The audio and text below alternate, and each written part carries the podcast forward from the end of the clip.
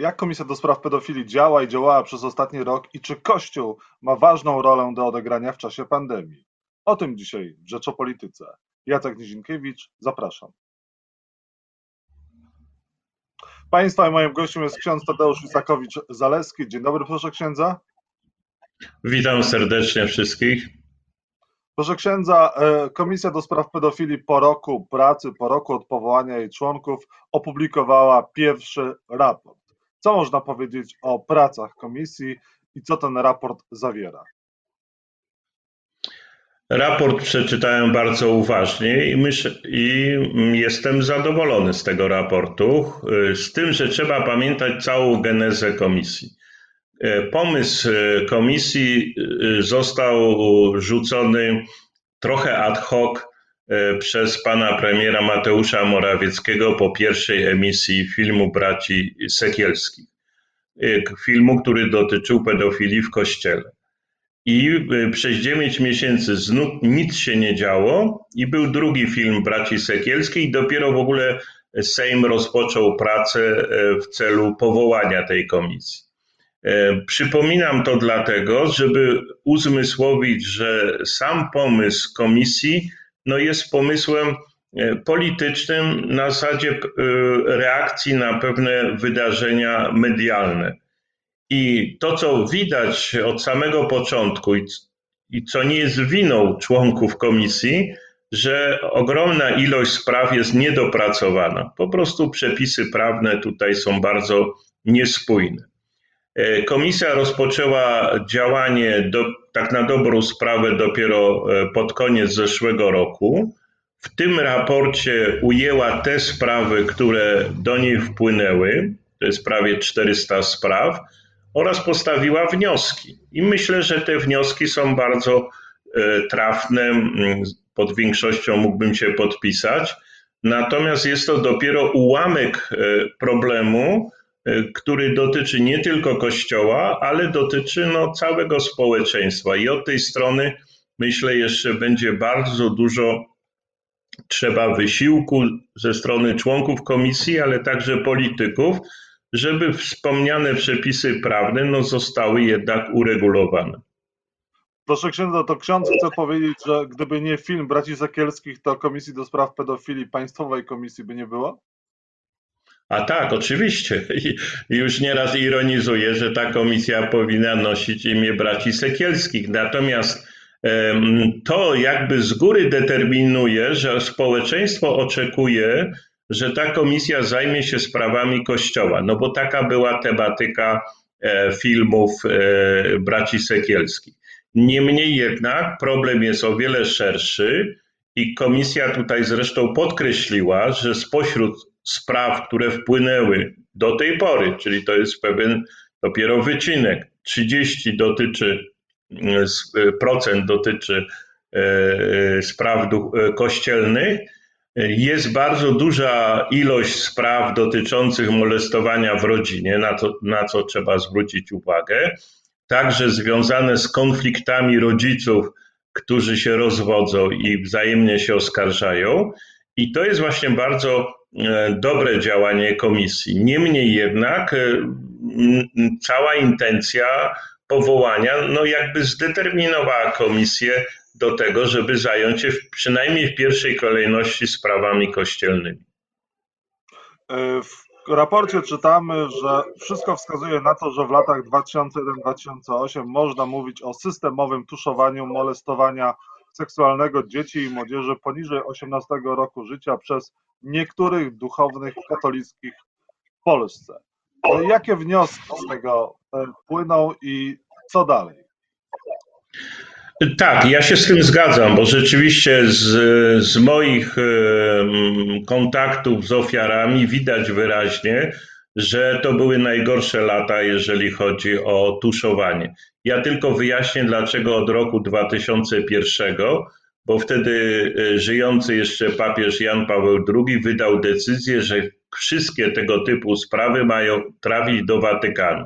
I z tego widać wyraźnie, że księża biskupi w Polsce no bardzo chętnie budowali pomniki Jana Pawła II i je święcili, natomiast nie realizowali tego mm, e, nakazu papieskiego, więc oni łamali nie tyle prawo świeckie, co prawo e, kościelne.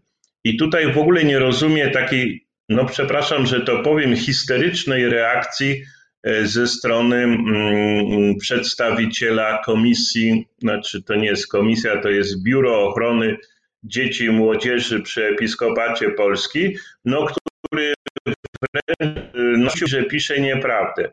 No, ale komisja napisała właśnie prawdę. No i ta historyczna reakcja już pokazuje, że konflikt e, niespodziewany między Państwową Komisją, powołaną właśnie przez Sejm, a więc bardzo mocno umocowanej, z władzami episkopatu będzie dotyczył właśnie tych spraw, czyli tutaj już nie ma sojuszu ołtarza stronem, tutaj jest po prostu spór o to, dlaczego mm, wiele spraw nie trafiało ani do prokuratury, ani także do Watykanu. No i to jest, myślę, bardzo ważne zadanie komisji, żeby to wyjaśnić. A myśli pan, że prace komisji doprowadzą do tego, że jakieś zawiadomienia do prokuratury na poszczególnych duchownych pójdą? Hmm. Tak, ale też znam już przypadek, e, dotyczy to e, diecezji na południu Polski, e, gdzie zawiadomiłem na prośbę ofiary prokuraturę i komisję. No i prokuratura odpisała mi dosłownie jednym zdaniem, że sprawa jest przedawniona i nie, nie będzie wszczęcia dochodzenia. No jeżeli w ten sposób prokuratura będzie podchodzić, no to większość spraw e, będzie odrzucana jakby na samym początku, bo jest przedawnienie i myślę, że tutaj problem przedawnienia no jest e, podstawą. No jeżeli tak będzie, to niedługo się okaże, że no komisja jest bezradna wobec tych spraw, bo ofiary często zgłaszają to późnym wieku to jest trauma, to jest przeżycie bardzo bolesne, zwłaszcza w wypadku mężczyzn, którzy duszą to w sobie i dopiero po wielu latach e, z, z tym, mm, mm, po tym mocowaniu się, po odbyciu terapii, dopiero są w stanie na ten temat powiedzieć. I tu się obawiam, że oczekiwanie społeczne jest takie, żeby komisja wyjaśniła te sprawy, a prokuratura będzie odrzucać, mówiąc, że jest przedawniona. Mhm. E, proszę księdza, i najważniejsze, a co z ofiarami? Czy z raportu można wywnioskować, że ofiary pedofilii mają wsparcie e, Kościoła, wsparcie państwa? No tu są ogromne zaniedbanie, zaniedbania i ten raport komisji to bardzo pokazuje. To są także zaniedbania sądów, a więc tutaj mamy no, winę po stronie e, struktur państwowych, nie tylko prokuratura, która umarza to wszystko, e, wiele spraw, ale sądy. No, tam są podane przykłady w tym raporcie e, no, szokujące, gdzie ofiara dostaje 500 zł odszkodowania, bądź jest mediacja wprowadzona między dziewięcioletnim dzieckiem molestowanym a jego sprawcą. No, są to absurdy i myślę, że to bije e, w cały system, który w ostatnich latach jednak bagatelizował e, sprawy pedofilii. Więc tu są potrzebne także radykalne zmiany w zakresie e, sądownictwa i prokuratury. Ale dobrze, że to komisja pokazuje, bo to nie jest problem tylko Kościoła, to jest problem zaniedbań przez dziesiątki lat ze strony no, wielu organizacji czy E, instytucji. Mhm. Proszę księdza, jakie powinny być kolejne kroki Komisji do Spraw Pedofilii? Czego ksiądz by się spodziewał? Przede wszystkim komisja słusznie upomina się, wracając do spraw kościelnych, o przekazanie dokumentów przez stronę kościelną. I tu jestem bardzo zniesmaczony, że e, wspomniany przedstawiciel tego Komitetu Ochrony Dzieci przy Episkopacie no protestuje przeciwko temu. I, I obawiam się, że taka przepychanka, jaka jest w ostatnim czasie między Komisją Państwową a władzami kościelnymi, to e, jest objaw, że tutaj nie ma jednak dobrej woli do współpracy, tylko jest ciągłe takie mm, szukanie kruczków, żeby właśnie pewnych rzeczy nie ujawnić. Być może czeka się na śmierć sprawców bądź ich odejście na emeryturę, żeby to. To jest takie świadome, moim zdaniem, przeciąganie sprawy.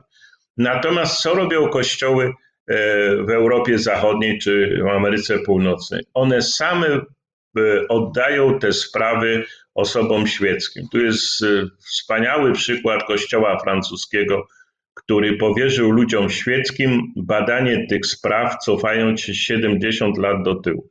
Niestety w Polsce nie widać chęci. Cały czas jest takie szukanie e, no jakichś, no, przepraszam za określenie, wytrychów prawnych, żeby właśnie tego nie ujawnić. I myślę, że Kościół na tym bardzo dużo traci, bo jednak powstaje przekonanie, że jest dużo do ukrycia, no więc dlatego będziemy miesiącami się tam e, przepychali z tymi przepisami prawnymi.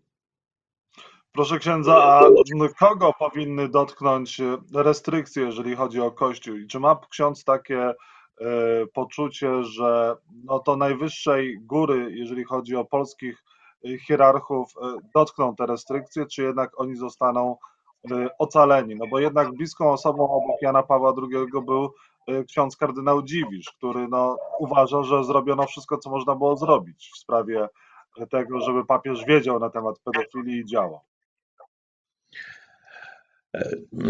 Problem e, pedofilii to nie jest tylko problem sprawców, ale także tych, którzy to tuszowali, niezależnie czy to są struktury kościelne czy e, świeckie.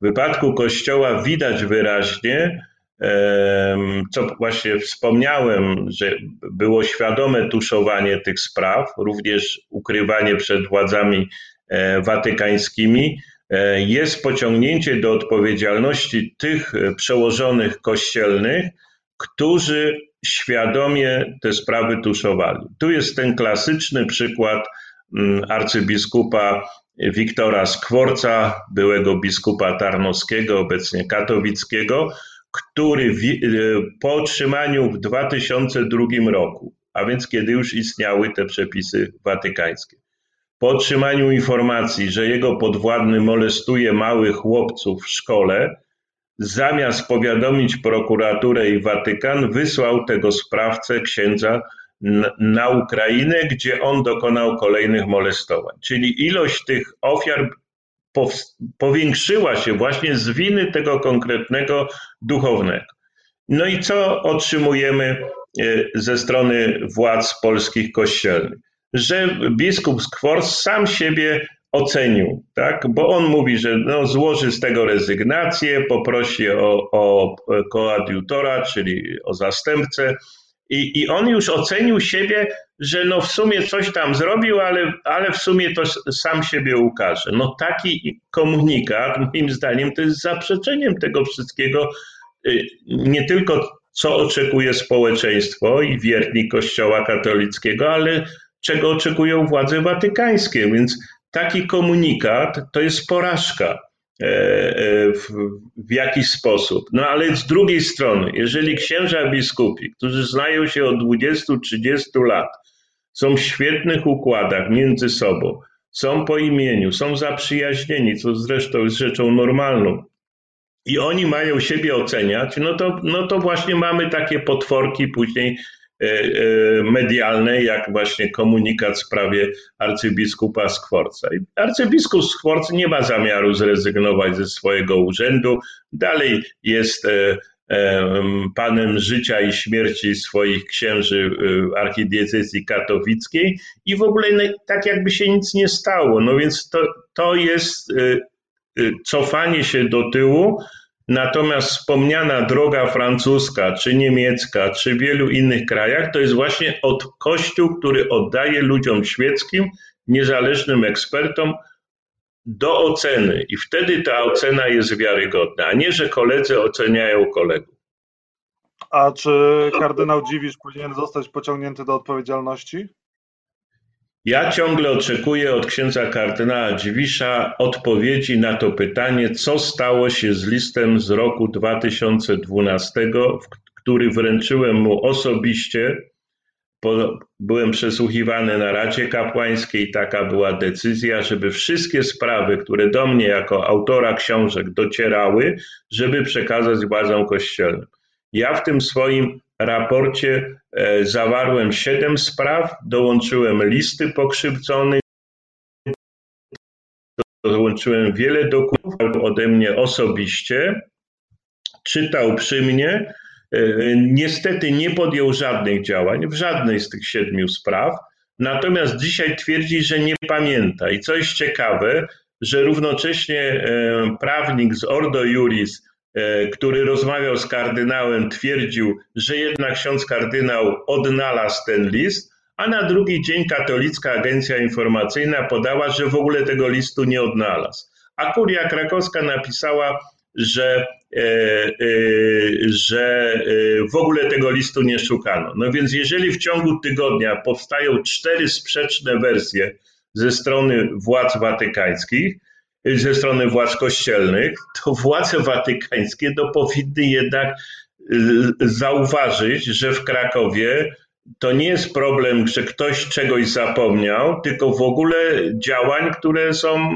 no, zmierzają w kierunku zatuszowania tych spraw. Więc ja oczekuję od księdza kardynała nadal, że ustosunkuje się do tego listu z 2012 roku. Moim zdaniem on ten list posiada nadal i mógłby odpowiedzieć, co zrobił w tych siedmiu sprawach. E, proszę księdza, ksiądz e, kardynał e, Głódź, no, żyje sobie ch chyba całkiem nieźle. Pytanie, jak, duch, jak wierni mogą postrzegać duchownego, który został przeniesiony czy też oddalony ze swojej placówki, no a okazuje się, że nie tylko wpływa w majątek, ale również no, jest sołtysem. Czy tak można i czy tak Kościół powinien się, przedstawiciele Kościoła powinni się prowadzić? Bo z jednej strony to się może wydawać zabawne, ale z drugiej strony chyba jednak gorszące. No tak, no y, arcybiskup Guć na szczęście kardynałem jeszcze nie jest, ale jest generałem dywizji Wojska Polskiego, więc y, też bardzo ważna funkcja i myślę, że tu władze wojskowe też powinny jednak wziąć to pod uwagę. Faktycznie jego postępowanie żenujące. Jest mi bardzo przykro, dlatego że e, na temat arcybiskupa e, Sławoja Leszka Głodzia było wiele już publikacji. On się zachowywał w sposób skandaliczny w sprawie e, lustracji. Był jednym z hamulcowych, to już mogę jasno powiedzieć, to on obok kardynała Dziwisza blokował ujawnienie e, akt e, e, dawnej służby bezpieczeństwa. Natomiast jego styl życia jest zaprzeczeniem stylu, który był cechą na przykład kardynała Stefana Wyszyńskiego czy kardynała Franciszka Macharskiego w Krakowie. Kardynał Macharski na emeryturze mieszkał w jednym pokoju w drewnianym domku sióstr zakonnych był szanowany przez wszystkich krakowian, był skromny, nie zostawił żadnego majątku. No można, można tak. I wielu innych, i, i wiele zacnych postaci żyjących. Natomiast tu mamy postawę magnata, szlachcic na zagrodzie równy wojewodzie i myślę, że arcybiskup e, Głódź no rzeczywiście bardzo źle wpływa na opinię polskiego kościoła. No jest z jednej strony taką groteskową E, postacią, ale z drugiej strony no, myślę, że on ma też dużo do ukrycia i jego zachowanie jest e, no niestety tutaj niewłaściwe. Ja tu też świadomie powiedziałem, że z generałem Wojska Polskiego, ja myślę, że jednak władze wojskowe też się powinny nad tym zastanowić. Czy, czy taka postać może nadal być e, polskim generałem? I na koniec, e, rządzący mają problem z promocją szczepień. Nawet połowa e, Polaków nie zaszczepiła się przeciwko e, koronawirusowi. Pytanie, czy Kościół powinien się włączyć w promocję szczepień? No, Kościół oficjalnie już się włączył, bo jest jasna wypowiedź Stolicy Apostolskiej, również postawa godna tutaj naśladowania papieża Franciszka i przedstawicieli Watykanu, więc są tutaj wyjaśnione również kwestie e, moralne, kwestie, e, czy można korzystać z pewnych szczepionek, czy nie, więc tutaj stanowisko jest jednoznaczne, ale niestety w Polsce no mamy znowu według zasady szlachci na zagrodzie równy wojewodzie, że jest ogromna rozbieżność. Ja mam wielki szacunek do tych duchownych, także hierarchów kościelnych, którzy apelują o szczepienia. Oczywiście to nie są szczepienia obowiązkowe, tylko właśnie apel o, e, o dobrowolne szczepienie. Natomiast myślę, że tu ma do odegrania wielką rolę każdy z księży, zwłaszcza proboszczów pracujących w małych środowiskach, gdzie jest ten człowiek autorytetem, żeby on jednak po pierwsze sam się zaszczepił i zachęcał do tego. A o co w tym wszystkim chodzi? Że e, to nie jest kwestia tylko moja, czy ja się zaszczepię, czy nie, ale to jest także troska o drugiego człowieka, no bo człowiek niezaszczepiony jest y, rozsadnikiem różnych, y, znaczy y, wirusa, koronawirusa.